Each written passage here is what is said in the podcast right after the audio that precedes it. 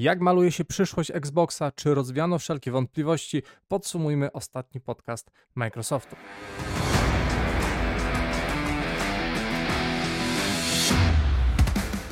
Witam serdecznie, nazywam się Grzegorz Wątroba, to mój kanał Okiem Deva. Naprawdę chciałem dokonać dogłębnej analizy tego, co miał zamiar pokazać Microsoft w trakcie swojego The Official Xbox Podcast, ale szczerze powiedziawszy nie było tam aż tak wielu konkretów, żeby warto było analizować ten materiał krok po kroku, stąd podsumuję go dla Was tak krócej, byście nie musieli słuchać nagrania, które mogłoby być mailem.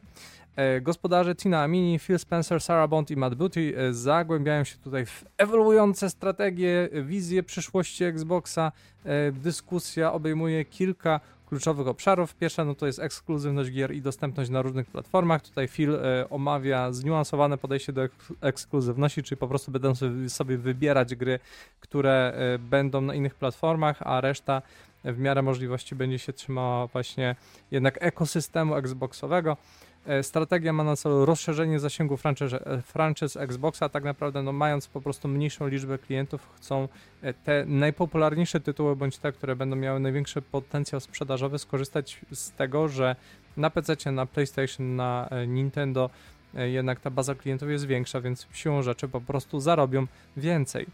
Następnie e, integracja Activision Blizzard i tutaj przejęcie Activision było tym przełomem dla Xboxa, obiecując wzbogacenie biblioteki Game Pass o wysokoprofilowe tytuły, m.in. właśnie czwarte Diablo będzie na e, Game Passie od 28 marca i ruch ten jest postrzegany jako sposób na przyciągnięcie większej liczby graczy do ekosystemu Xboxa i zapewnienie pierwszego od pierwszego dnia zróżnicowanej, atrakcyjnej selekcji gier właśnie na na Game Passie, tylko no, tutaj jeszcze trzeba wziąć pod uwagę to, że nie wszystkie tytuły będą mogły być w takim trybie, dlatego, bo e, Microsoft przy e, próbie zakupu ABK zobowiązał się na przykład, że Call of Duty nie będzie tytułem ekskluzywnym i tylko na Xbox Game Pass i tak dalej, tylko właśnie będzie musiał się dostosowywać akurat w tym zakresie, ale mają tak szeroką bibliotekę gier, że akurat ta jedna nie zrobi im takiej różnicy. Poza tym podejrzewam, że akurat Call of Duty z racji tego, że ma największą bazę na PlayStation, raczej nigdy nie będzie tylko ekskluzywem, dlatego bo po prostu się to zielonym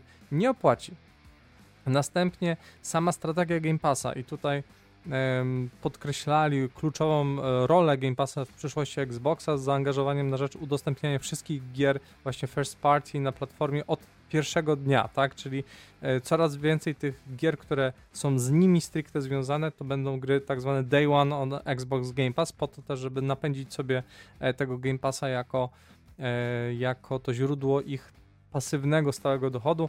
No i tutaj też właśnie zaznaczyli, że klientów jest już 34 miliony, tych pełnopłacących, a to jest już całkiem solidny wynik. Wciąż no nie jest to, e, nie jest to powiedzmy żaden rekord, że tak powiem, sprzedażowy, ale z drugiej strony, jeżeli sobie pomyślicie, że to są 34 e, miliony osób, które kupują w zasadzie przez właśnie płacenie Xbox Game Pass Ultimate mm, tak naprawdę trzy, trzy, cenę trzech AAA-ów rocznie, to to może nie są e, jakieś naprawdę gigantyczne pieniądze, a jednocześnie, jednocześnie są na tyle duże, że faktycznie być może im się to wszystko dobrze zgrywa i opłaca.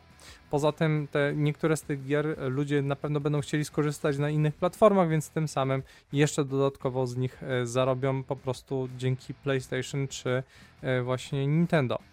E, I tutaj, jeżeli chodzi o gry te mniejsze, chociażby indyki, e, oni też właśnie podkreślają, że będą skupiali swoją strategię na tym, żeby przyciągać jednak ludzi nie tylko tymi dużymi tytułami, ale i mniejszymi. I to jest akurat strategia spoko, zwłaszcza, że mogą dzięki temu wesprzeć mniejsze tytuły, które nie miałyby się w żaden sposób jak wypromować, a mając je w bibliotece przez jakiś czas, potem na przykład mogą je wydać tak, jak właśnie zapowiedzieli w przypadku Hi-Fi Rush, że mają przez pewien czas właśnie tytuł ekskluzywny tylko na Game Passie, a potem zostanie udostępniony na Steam i inne platformy.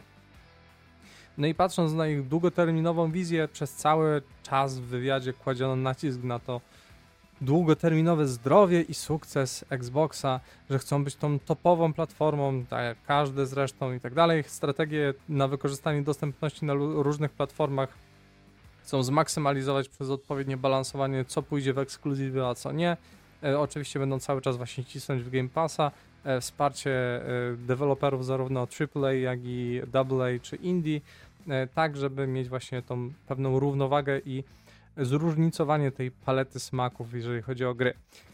No i tak próbowałem wyciągnąć z tego konkrety, jeszcze wzbogacić to o parę notatek, parę artykułów pokazało, że dziennikarze się wysypali z większą ilością informacji niż sami właśnie, same te stołki, że tak powiem, w trakcie podcastu, także teraz macie tą listę konkretów. I tak, żeby wyciągnąć właśnie z tego korporacyjnego biadolenia e, to, co najważniejsze. Ani Indiana Jones, ani Starfield nie pojawi się na innych platformach na ten moment. To jest właśnie istotne. Jeżeli się dobrze wsłuchać w wypowiedź Phila Spencera, to przez. They are not Starfield or Indiana Jones. Ma na myśli te pierwsze cztery gry, które pojawią się na innych platformach.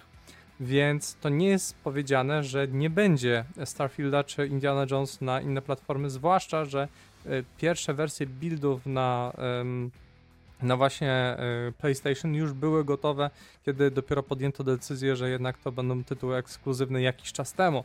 Także to nie jest powiedziane, że tego ostatecznie nie zrobią. Ponadto Hi-Fi Rush i Pentiment będą pierwszymi dwoma grami wydanymi na konsolę właśnie Sony i Nintendo, a kolejne dwa e, tytuły to Sea of Thieves i Grounded. Także to nie są jakieś ich topowe tytuły, chociaż no ja uwielbiam Hi-Fi Rush, także się cieszę, że po, e, zostaną wydane na inne platformy. Natomiast, e, no i Pen Pentiment jest też świetną gierką, natomiast no to nie są właśnie te ich takie topowe gry. Chociaż właśnie Sea of Thieves to jest ten ciekawy koncept, dlatego, bo i tu jest dobry pomysł, gdyż y, to jest gra usługa, która po prostu w długim ogonie sprzedażowym będzie mogła dużo zarobić jakby taką małą łyżeczką po prostu dla Microsoftu, także e, ten pomysł akurat wydaje mi się jak najbardziej uzasadniony. Potem wszystkie gry Activision Blizzard pojawią się ostatecznie na Game Passie, tutaj pewnie w zależności od umów oczywiście, do których się Microsoft zobowiązał, zaczynając od czwartego Diablo, który pojawi się 28 marca. E, jak najwięcej gier zielonych ma się pojawiać na Game Pass od e, pierwszego dnia. E, Microsoft nadal ma produkować sprzęt, a nowa konsola ma być unikalna i bardzo mocna i tutaj zapowiadano ją wstępnie chyba na 2026, tak przynajmniej plotka głosiła, ale filozofia zielonych zmierza w stronę ekosystemu i usługi skupiając się właśnie na Xbox Game Pass, właśnie który ma te 34 miliony już pełnopłatnych użytkowników. W 2024 ma się pojawić 10 dużych tytułów w portfolio Microsoftu, m.in. Hell, e, Hellblade 2, Avowed czy e, Indiana Jones. Dzięki cloud gaming Microsoft będzie chciał pojawiać się na jak największej liczbie platform, ale platformy Sony i Nintendo najpewniej będą służyły do wydawania na nich wybranych tytułów. No i to też ma sens, dlatego bo mm, po pierwsze raczej się nie zgodzą e, ani Sony, ani Nintendo, żeby mieć e, aplikację Xbox Game Pass u siebie. Natomiast wydaje się uzasadnione to i jakby obopólną korzyścią, że e, duże tytuły, które mają szansę się sprzedać na właśnie konsolach konkurencyjnych, zostaną wydane do typu chociażby Indiana Jones. Podejrzewam, że to byłby taki tytuł, który by się też chwycił i dobrze przyjął na właśnie PlayStation, tak? Zieloni będą też naciskali na to, żeby ich gry miały cross-save, cross-platform i cross-progresję, czyli no, te takie rzeczy, tak zwane quality of life, które e, właśnie sprawiają to, że gracze będą chcieli korzystać z usługi zamiast pojedynczego pudełka czy pojedynczej instalacji na jednej platformie. No i tutaj muszę przyznać, że to jest na przykład wygodne, kiedy nie wiem, gram chwilę sobie na PC, chwilkę na Steam Decku i chwilkę na telefonie w, nie wiem, jakiegoś e, indyka chociażby i mam po prostu tą cały czas tą naturalną kontynuację grania właśnie dzięki usłudze gry w chmurze. Także jak dla mnie to jest bardzo dobry patent. E, zwłaszcza kiedy jest się jakoś mobilnym, kiedy chce się pograć tylko przez chwilę e, w coś świeżego. Także jak dla mnie to akurat jest bardzo pozytywne podejście.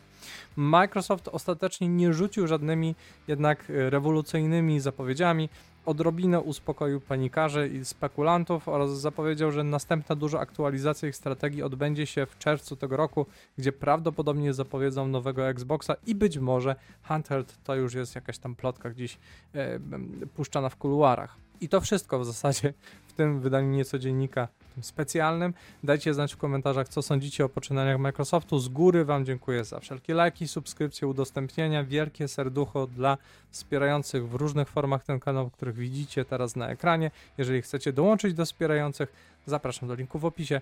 Przekażcie też odrobinę miłości dla Łukasza i Izy, którzy pracują w pocie czoła nad oprawą moich odcinków i do zobaczenia w innych filmach na moim kanale.